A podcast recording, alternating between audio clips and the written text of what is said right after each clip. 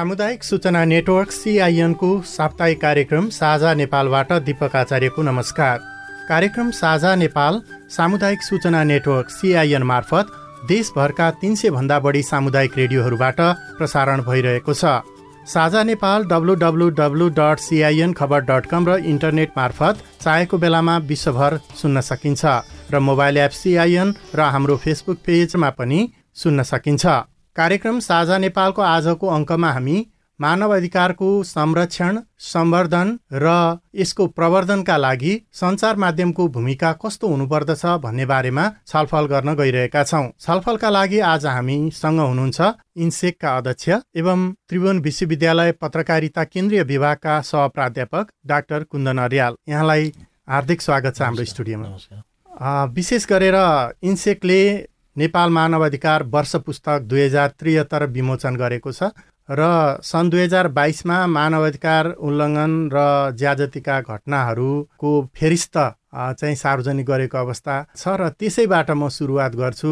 कस्तो देखिन्छ सन् दुई हजार बाइसलाई फर्केर हेर्दा? सन् दुई हजार बाइसलाई फर्केर हेर्दाखेरि छोटकरीमा भन्दाखेरि जुन अपेक्षा थियो त्यस अनुसारको देखिँदैन र सन् दुई हजार तेइस त्यस्तो नहोस् भन्नुपर्ने हुन्छ र समग्रमा भन्दाखेरि सन् दुई हजार बाइसको जुन हाम्रो पृष्ठभूमि छ जसरी संविधान हाम्रो वर्तमान संविधान छ संविधानले मानवाधिकारका विश्वव्यापी मान्यताहरूलाई आत्मसात गरेर मौलिक हकहरू प्रत्याभूत गरेको छ। त्यो समयमा जसरी हामी शान्ति विस्तृत शान्ति सम्झौता पछाडि यहाँसम्म आइपुगेका छौँ देशमा नयाँ शासकीय संरचना स्थापित छ। यो सबै परिष्ठ पृष्ठभूमिमा हेर्दाखेरि मानवाधिकारको अवस्था भने त्यस अनुसारको छैन त्यस अनुसार मिल्दो छैन। अलिकति हेर्दा अब दुईवटा चुनावहरू भए होइन त्यो चुनावको अवस्था चाहिँ कस्तो देखियो मानवाधिकारको दृष्टिकोणले? चुनावको अवस्था सामान्यत यसलाई सामान्यत भन्छु म ठिकै भयो। निर्वाचन पर्यवेक्षणमा केन्द्रित भएका संस्थाहरूले पनि प्राय सबैले त्यही भनेका छन्। र इन्सेकको पनि सात हजारभन्दा बढी पर्यवेक्षण पर्यवेक्षकहरूले पर्यवेक्षण गर्दाखेरि पनि आम रूपमा त्यही देखेका छौँ तर तर भन्नुपर्छ केही कुराहरू छन् जुन राजनीतिक दलहरूले राजनीतिक विश्लेषकहरूले मतदाताहरूले सचेत मतदाताहरूले बारम्बार उठाएको कुरा अब आउने समयमा चुनावको स्वतन्त्र निष्पक्ष चुनाव हुने सुनिश्चितता अझ बढी हुनुपर्नेछ। खास गरी चुनाव भनेको उम्मेदवार हुने उम्मेदवार अथवा चाहिँ नि आफै संलग्न हुन चाहने सुशासनमा आफै सहभागी हुन चाहने अथवा कसैलाई उम्मेदवारका रूपमा चाहिँ अगाडि बढाउन चाहने मतदाता। यो दुइटै उम्मेदवार र दुवै मतदाताले प्रतिस्पर्धामा साँचो अर्थमा प्रतिस्पर्धामा भाग लिन पाउने वातावरण चाहिँ बनाउनु पर्छ तर त्यो वातावरणको लाई बाधा बाधाका स्रोतहरू के के हुन् त भन्दाखेरि बाधाका स्रोतहरू मूलत शक्ति र साधन स्रोत अथवा पैसा। यो दुईवटा बाधक छन्। यो दुईवटा बाधकहरू अझै पनि चलामान भएको देखिन्छ। गएको चुनावमा पनि आम रूपमा शान्तिपूर्ण निष्पक्ष भए पनि आम रूपमा स्वच्छ भए पनि यस यस्ता किसिमका बाधाहरू खास गरी शक्तिको दुरुपयोग र अथवा साधन स्रोतको दुरुपयोग भने देखिएको छ। यो कुरो फेरि जति बढी अनुसन्धान गर्दै गयो कति हामी अनकभर गर्न सक्छौँ कति कुरो उजागर गर्न सक्छौँ त्यसमा पनि निर्भर गर्छ। कहिलेकाहीँ चाहिँ बाहिरबाट हेर्दाखेरि सामान्य देखिन्छ तर भित्र चाहिँ जुन उजागर नभएका कुराहरू पनि हुन्छ।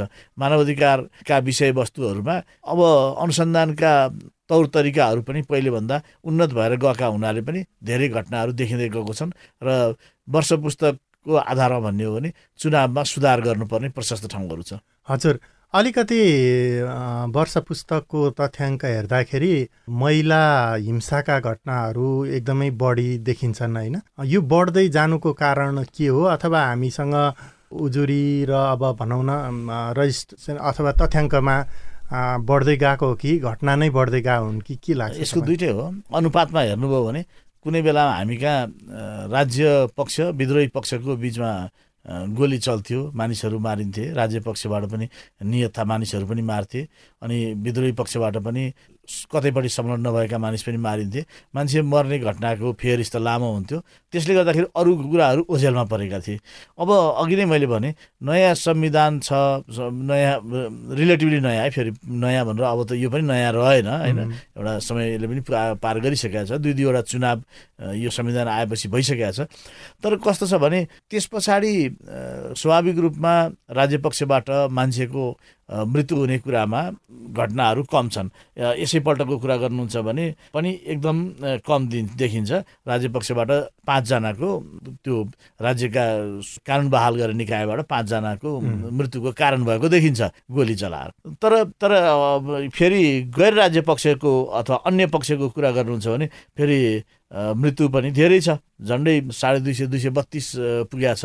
अब सबै हत्याका घटना त मानव अधिकार उल्लङ्घन होइन होला नि भन्ने पनि एउटा तर्क आउँछ अपराधका घटना। तर कस्तो छ भने कुनै व्यक्ति हत्याको शिकार भइसकेपछि व्यक्ति मात्रै होइन या त परिवारै हत्याको शिकार भएको घटनाहरू पनि छन्।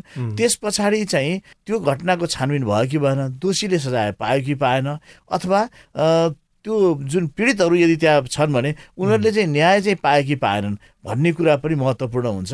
र त्यसैले मानव अधिकार सामाजिक न्यायको कुरा गर्दाखेरि को अपराधको शिकार भएको छ? त्यो अपराधको शिकार हुनबाट राज्यले बचाउ गर्न सक्यो कि सकेन? अथवा राज्यले विद्यमान कानुनका आधारमा उसलाई न्यायिक प्रक्रियामा उसलाई सघाउ पुर्याउ पुर्याउन सक्यो कि सकेन? उसले न्याय पाए कि पाएन? यो कुरा निर्कोल गर्नुपर्छ मानव अधिकारको अवस्था हेर्नलाई। त्यसैले अबको दृष्टिकोण तपाईँले भने जस्तै निश्चय पनि के छ भन्दाखेरि विषयहरू फेरिएको छ। अब प्रहरीको गोलीहरू पहिलेको दाँजोमा चल्दैनन् नि। अब पहिलेको दाँजोमा यो सुरक्षा निकायहरूमा पनि मानव अधिकार सचेतनता पनि बढेको छ। राज्य पनि तुलनात्मक रूपमा त हिजोभन्दा त आज त लोकतन्त्र प्रेमी लोकतन्त्रको नजिक छ। मै लोकतन्त्र मैत्री भनौँ न त्यो देखिन्छ। तर फेरि अथोरिटेरियन टेन्डेन्सी अथवा अलोकतान्त्रिक त्यो प्रवृत्ति चाहिँ यस्तै सरकारहरूबाट पनि आइरहन्छ बाहिर। त्यो एउटा चिन्ता होला। अर्को भनेको चाहिँ जनस्तरमा जनस्तरमा खास गरी महिलामाथि हुने हिंसाहरू। को बारेमा हाम्रो कानुन पनि बनाएको छ। अब यस्ता घटनाहरूमा चाहिँ कानुनको पहिलो कुरो कानुनको आम मान्छेलाई कानुनको जानकारी पनि भएन। त्यो बारेमा बताउन पनि सकेनौँ। कानुन कानुन आउनुपर्ने औचित्य र किन यो कुरो गलत हो भन्ने कुरा? र सँगसँगै कानुनको अवहेलना गरेको बेलामा हामी सजायको भागीदार हुन्छौँ भन्ने एउटा कानुनको मर्यादा गर्नुपर्ने चेतना।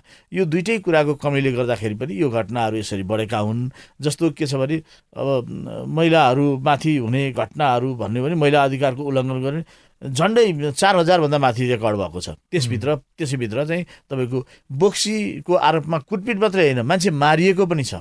अबको समयमा मानव अधिकारका यी पनि चुनौतीहरू हुन्। अलिकति जस्तो पछिल्लो समय सोसल मिडियादेखि लिएर विभिन्न प्लेटफर्महरू बढ्दै जाँदाखेरि चाहिँ अब हिंसाको दुर्व्यवहारका ऊ पनि फरक फरक हुँदै गइरहेछन् होइन? हिंसाका नयाँ नयाँ रूपहरू आइरहेका छन्। अब त्यसलाई पनि सम्बोधन गर्नुपर्नेछ र मानव अधिकारको तपाईँले भनेको जस्तो हाम्रा विभिन्न हानिकारक परम्परागत अभ्यासहरू कुसंस्कार कुरीतिहरू त्यसको अन्त्य गर्नुपर्ने कुराहरू ती सबैहरू बढ्दै जाँदाखेरि पनि पछिल्लो समय यो मानव अधिकारको अभियान चाहिँ अलिकति सुस्ताको हो कि अथवा राजनीतिक रूपमा विभाजित भएको हो कि जस्तो एउटा एक ढिक्का नदेखिनुको कारण कारण चाहिँ तपाईँलाई के लाग्छ? एउटा त होला जसरी व्यक्तिमा पनि हुन्छ नि हामी धेरै परिश्रम गरेपछि थाक्छौँ नि कहिलेकाहीँ। हजुर। अनि त्यस्तै थकान जस्तो अथवा चाहिँ नि अब यति एउटा चरण पार एउटा पारण पार गरियो अब चाहिँ नदी तरियो। अब एकछिन बसौँ आनन्दले भन्दा हुन्छ नि। कता कता नेपालको मानवाधिकार समाज नेपालको नागरिक समाज पनि भन्छौँ मानवाधिकार समाज भन्छौँ अथवा जो समाजका सबै वर्ग समुदाय सबै पेसालाई झकझक्याउने खालको अब पेसागत रूपमा भन्दाखेरि पत्रकारिता कानुन व्यवसायीहरू जो चाहिँ केवल पेसा मात्रै होइनन् अरू पेसाले पनि यसबाट केही अरू थप अपेक्षा गरेको हुन्छ। त सबै पेसाको त्यो आफ्नो आफ्नो जिम्मेवारीहरू छ। तर कतिपय पेसाहरू छन् अधिनायकवादमा पनि त्यसै ढङ्गले अगाडि बढ्न सक्ला तर पत्रकारिता त एउटा अधिनायकवादी व्यवस्थामा अगाडि बढ्नै सक्दैन। त्यसैले यसको के छ भने स्वाभाविक रूपमा लोकतन्त्र उन्मुख लोकतन्त्रमुखी त्यो खालको यसको चरित्र नै त्यस्तो भएको हुनाले यो यो पनि कता कति चाहिँ तर यो एउटा लामो समयको यदि तिस वर्ष अगाडिको कुरा गऱ्यौँ भने त लोकतन्त्र मानव अधिकारको लागि लड्ने कुराहरूमा अग्रपङ्क्तिमा रहेको। अनि त्यस पछाडिको समयमा पनि समस्याहरू हामीले पछिल्लो चरणमा बैसठी त्रिसठीसम्म आउँदाखेरि फेरि समस्या थुप्रै देख्यौँ अनि त्यो त्यो बेलामा अग्रपङ्क्तिमा पनि देख्यौँ अहिले आएर चाहिँ मानवाधिकार कर्मी मानवाधिकार संस्थाहरू कता कति यदि यदि तपाईँले भने जस्तै अलिकति सुस्ताएको देख्नुहुन्छ भने त्यो चाहिँ एउटा कारण त अब हामीहरूको दायित्व सकियो भन्ने खालको लाग्यो हुनसक्छ सक्छ भन्छु म। तर फेरि त्यस्तो लागेको मलाई त लाग्दैन। धेरै साथीहरूलाई त्यो पनि लाग्दैन। किनकि मानवाधिकार सामाजिक न्यायको कुराहरू चाहिँ निरन्तर गरिरहनु पर्ने कुरा हो। यो एकदम सं संसारका उन्नत मानवाधिकारको सम्मान गर्ने भनिएका देशहरूमा पनि बेला बेला यस्तो खालको व्यवधानहरू आइरहेको हुन्छन् बेला बेला राज्यमा पुगेपछि सरकारहरूको त्यो अलिकति अधिनायकवादी प्रवृत्तिहरू बेला बेला देखिरहने हुन्छन् र त्यसले गर्दाखेरि यो चाहिँ निरन्तर हामीले अगाडि बढाउनुपर्छ जस्तो लाग्दछ मलाई। र यो अहिले पनि त्यसरी सुस्ताएको छैन। अब यस्ता समस्याहरू नयाँ नयाँ किसिमका समस्याहरू तपाईँले भने जस्तै साइबर अपराधका कुराहरू छन् र अथवा चाहिँ परम्परागत दुइटैबाट हामी गाँजिएको छौँ।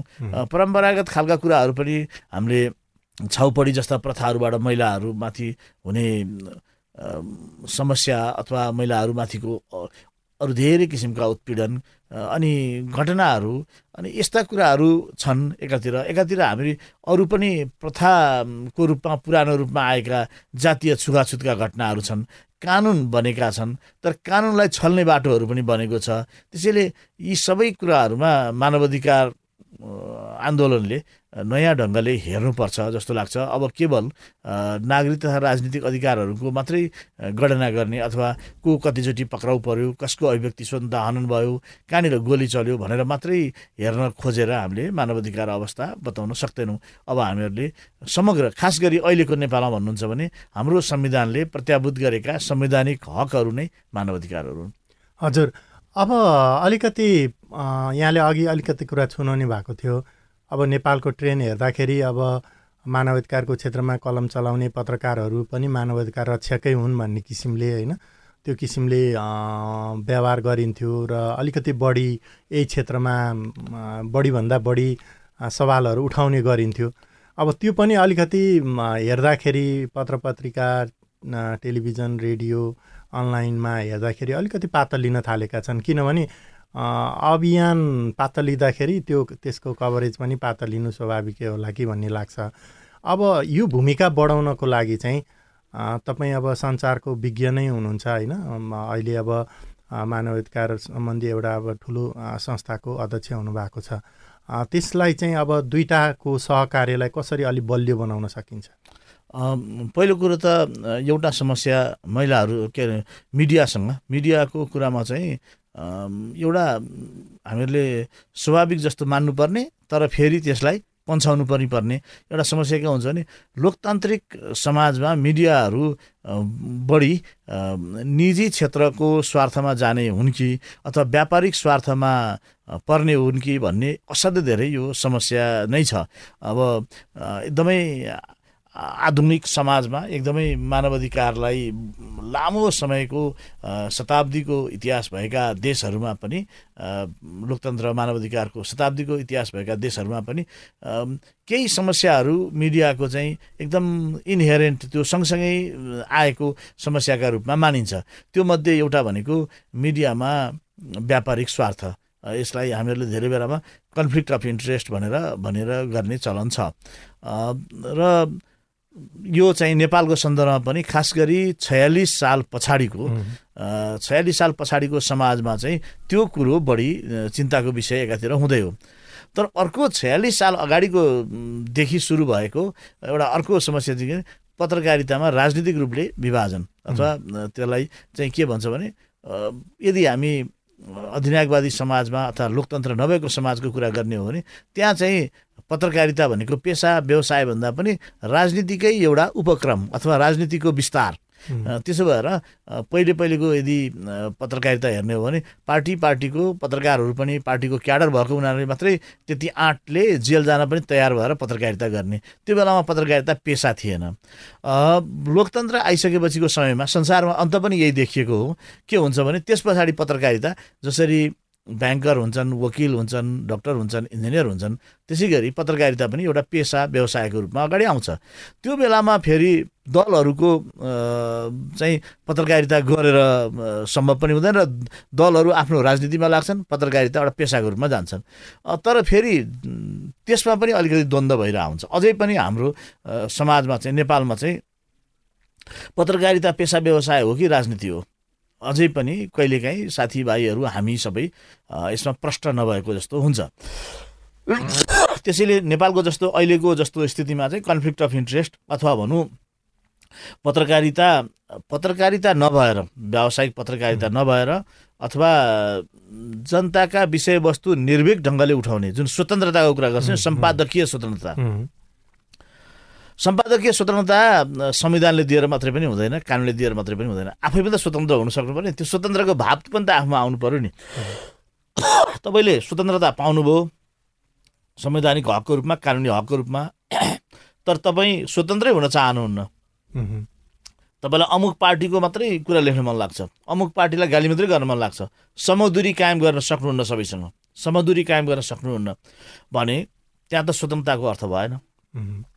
त्यसैले हाम्रो यदि अस्वतन्त्रताका स्रोतहरू पत्रकारितामा अहिलेको नेपालको समाजमा भन्नुहुन्छ भने एकातिर व्यापारिक स्वार्थहरू हुन् भने अर्को राजनीतिक स्वार्थहरू निहित राजनीतिक स्वार्थहरू। त्यो घातक हुन्छ। तर फेरि एउटा राजनीतिक स्वार्थ त हुन्छ बृहत्तर राजनीतिक स्वार्थ त हुन्छ। त्यो भनेको के हो भने हामीले जुन ढङ्ग जुन व्यवस्थामा जहाँ हामी खुला रूपमा बोल्न निर्भीकताका साथ लेख्न पढ्न र मनमा लागेका कुरा भन्न सक्छौँ धक्न फुकाइकन त्यो राजनीतिक व्यवस्था कायम रहनुपर्छ।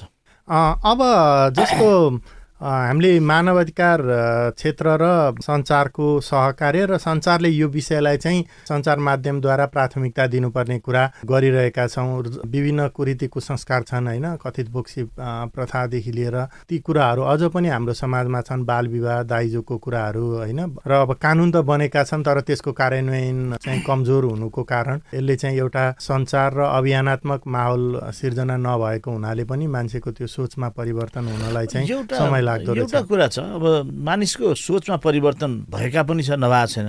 तर कतिपय कुरामा भएको पनि छैन। र एउटा मिडियाको जहाँसम्म कुराहरू छ नेपाली समाजमा अहिलेको मिडिया भनेको करिब करिब यो दोस्रो विश्वयुद्धताका अमेरिकी समाजमा जस्तै खालको स्थितिमा छौँ हामी।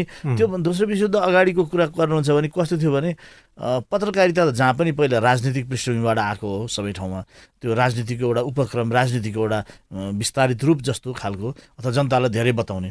तर समय क्रममा गएपछि यो बाटो फाटियो। एउटा राजनीतिको गयो एउटा अर्को चाहिँ नि तपाईँको पत्रकारिताको बेग्लै व्यवसायिक यो इन्डस्ट्री अहिले त मिडिया इन्डस्ट्री भन्ने गरेको छ नि त। विज्ञापनहरू आउने समय आएपछि अनि त्यस पछाडि झन् बढी यो पत्रका पत्र पत्रिका चाहिँ उद्योगको रूपमा स्थापित हुँदै गएपछि अगाडि बढ्यो।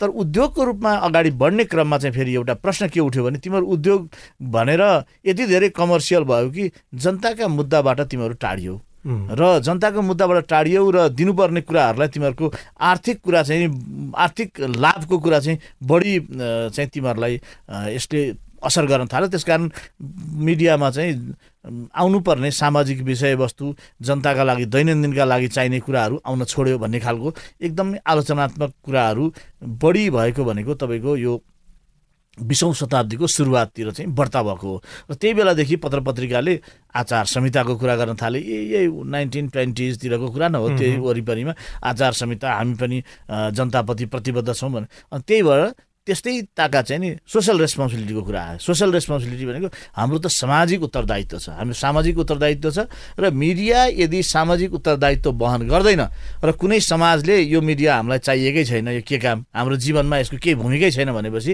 मिडियाको अस्तित्व रहँदैन र मिडियाको पावर पनि रहँदैन। मिडियाको शक्ति जुन कुरा गर्छौँ पावर भनेको राज्यको शक्ति होइन। आर्मी पुलिस होइन यसको अदालत पनि होइन। यसको शक्ति भनेको डिस्कर्सिभ छलफलबाट कुराकानीबाट आउने पावर हो। धेरैका कुनै कुरा राखिसकेपछि त्यसैबाट आउने कुरा हो। त्यसो हुनाले अब तर त्यही क्रम अगाडि बढ्दै जाँदाखेरि यो द्वन्द्व हुने क्रममा मिडियाप्रतिको मान्छेको आक्रोश पनि भयो। यसले जे पायो त्यही लेख्यो। यो कट अफ भयो। सम्पादकहरू एकल काटे भए। न्युज रुमहरू समाजसँग जोडिएन। न्युज न्युज रुममा केही पत्तै हुन छोड्यो र न्युज रुम त केवल खालि मालिकहरूको यो क्रस ओनरसिपमा अन्त अन्त पनि लगानी गरेका छ मिडिया पनि त्यसैको छ त्यही प्रवर्धन गर्न मात्रै लागेको छ भनेपछि यस्तो अवस्थामा त मिडिया त जनताबाट विच्छेद हुन्छ। त्यसै गरी राजनीतिको पनि एउटै राजनीतिक ढोल बजाइरह्यो भने पनि निच्छेद हुन्छ त्यो उच्छेद हुन्छ त्यो जनतासँगको सम्बन्ध। त्यसो भएको हुनाले हामीहरूले ख्याल गर्नुपर्छ है सोसल रेस्पोन्सिबिलिटीको कुरा गर्नुपर्छ भने त्यही ताका दोस्रो विश्वताका बढी कुरा भएको हो। अब अहिले पनि नेपाली समाजमा त्यो खालको द्वन्द्व देखिन्छ। तर फेरि अर्को कुरा के छ भन्दाखेरि आजको समयमा मिडियाविहीन समाजको पनि परिकल्पना गर्न सकिँदैन।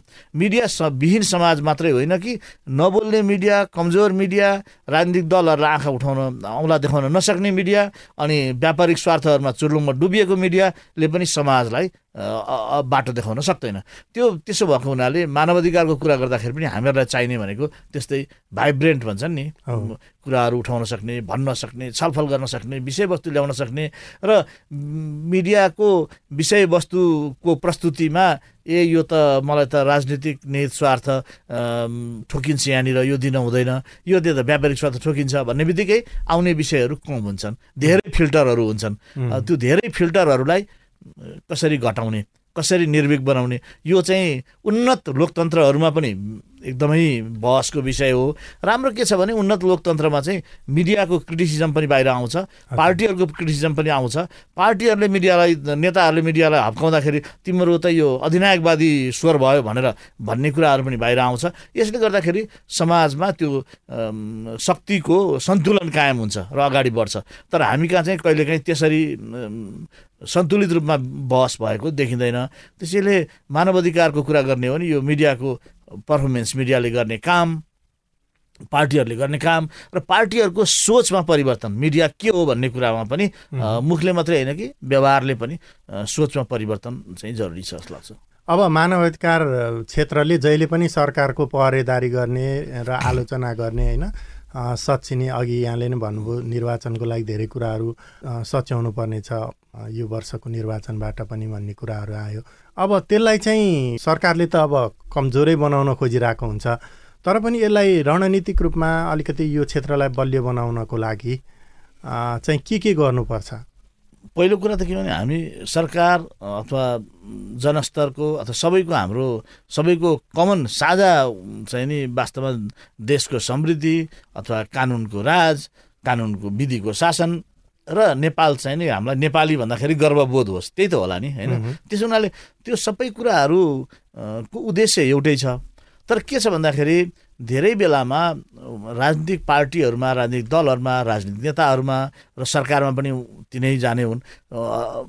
त्यो चाहिँ के देखिन्छ भने आफैले पहिले उठाएको मुद्दाहरू बिर्सिने चलन हुन्छ कि? बिर्सि विस्मृति बढी हुन्छ अथवा बिर्सेको जस्तो हुन्छ अथवा त्यसलाई व्यवस्था गर्ने हुन्छ।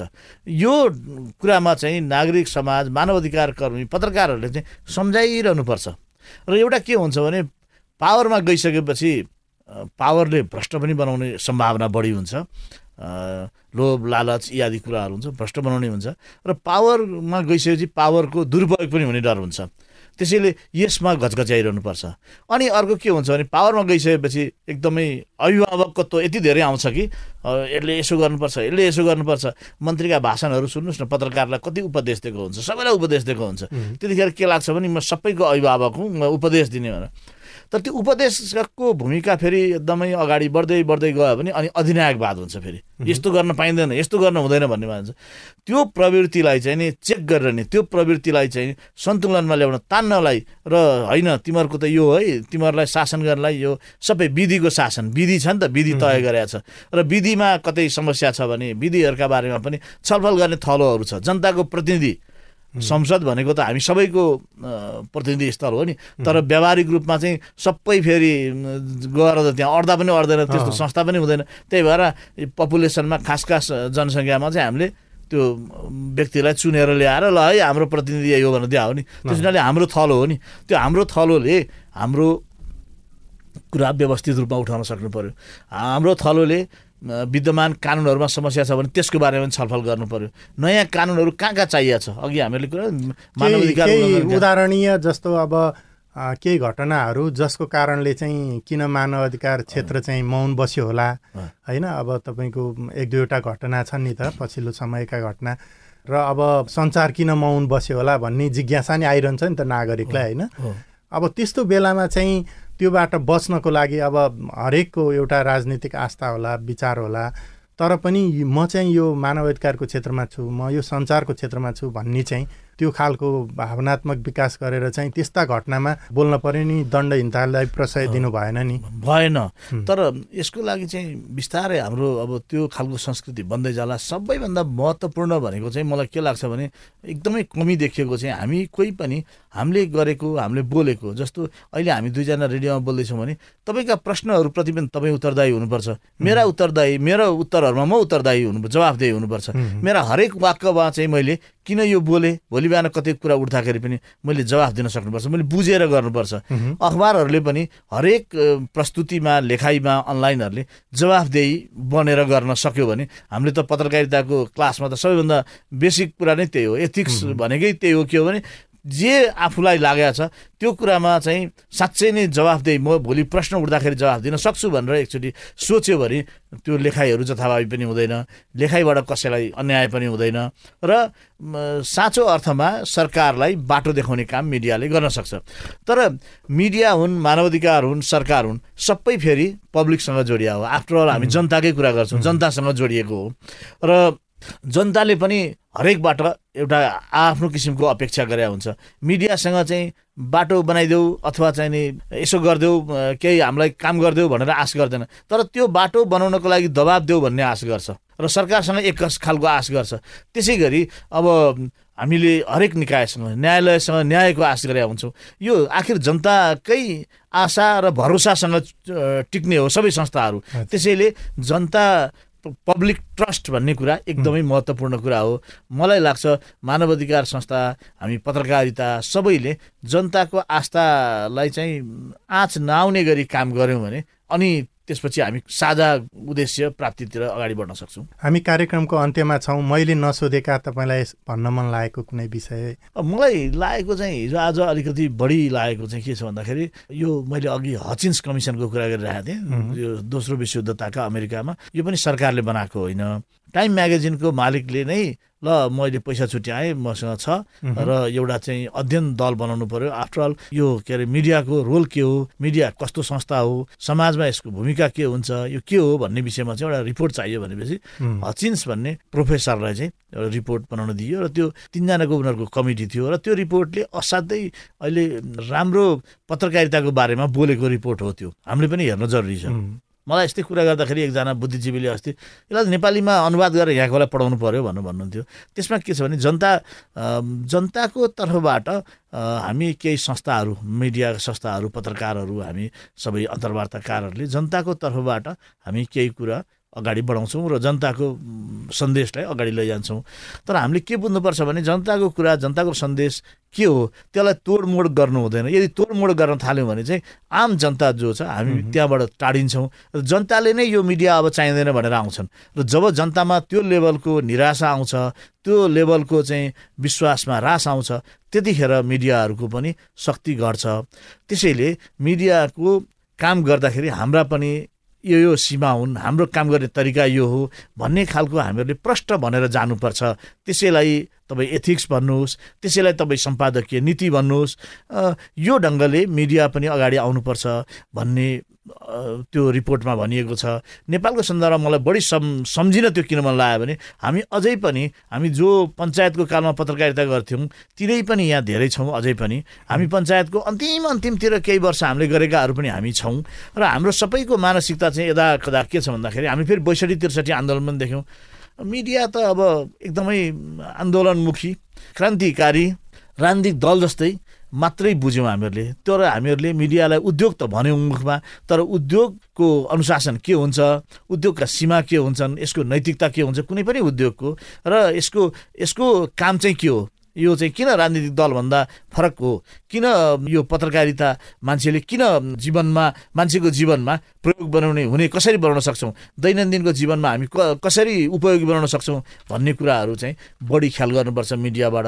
र राजनीतिक दलहरूले पनि त्यही अनुसार कानुनमा छलफल गर्नुपर्छ आउनुपर्ने कानुनहरूमा छलफल हुनुपर्छ मिडियाको स्वरूपमा छलफल हुनुपर्छ। यो ढङ्गले अलिकति शान्तिपूर्ण वातावरणमा यो चर्का चर्की एकले अर्कालाई आरोप लगाउने भन्दा पनि कुल भएर बसेर यस्ता विषयहरू निर्कल गर्नुपर्ने छ जस्तो लाग्छ। यहाँको अमूल्य समयको बावजुद पनि कार्यक्रम साझा नेपाललाई समय दिनुभयो हाम्रो स्टुडियोमा आइदिनु भयो त्यसका लागि यहाँलाई धेरै धेरै धन्यवाद। धन्यवाद। उहाँ हुनुहुन्थ्यो अनौपचारिक सेवा केन्द्र इन्सेकका अध्यक्ष एवं त्रिभुवन विश्वविद्यालय पत्रकारिता केन्द्रीय विभागका सहप्राध्यापक डाक्टर कुन्दन अर्याल। आज हामीले मानव अधिकार क्षेत्र र सञ्चार क्षेत्रको सहकार्य मानव अधिकार प्रवर्धनका लागि कसरी गर्न सकिन्छ र के के भूमिका हुन्छ भन्ने बारेमा छलफल गर्यौं। आजको कार्यक्रमको निर्धारित समय सकिसकेको छ। प्राविधिक कक्षबाट साथ दिनुहुने प्राविधिक साथी सुभाष पन्तलाई धन्यवाद दिँदै म दिपक आचार्य पनि आजको कार्यक्रम साझा नेपालबाट बिदा हुन्छु। अर्को साता साझा नेपाल लिएर उपस्थित हुने नै छौँ। धन्यवाद।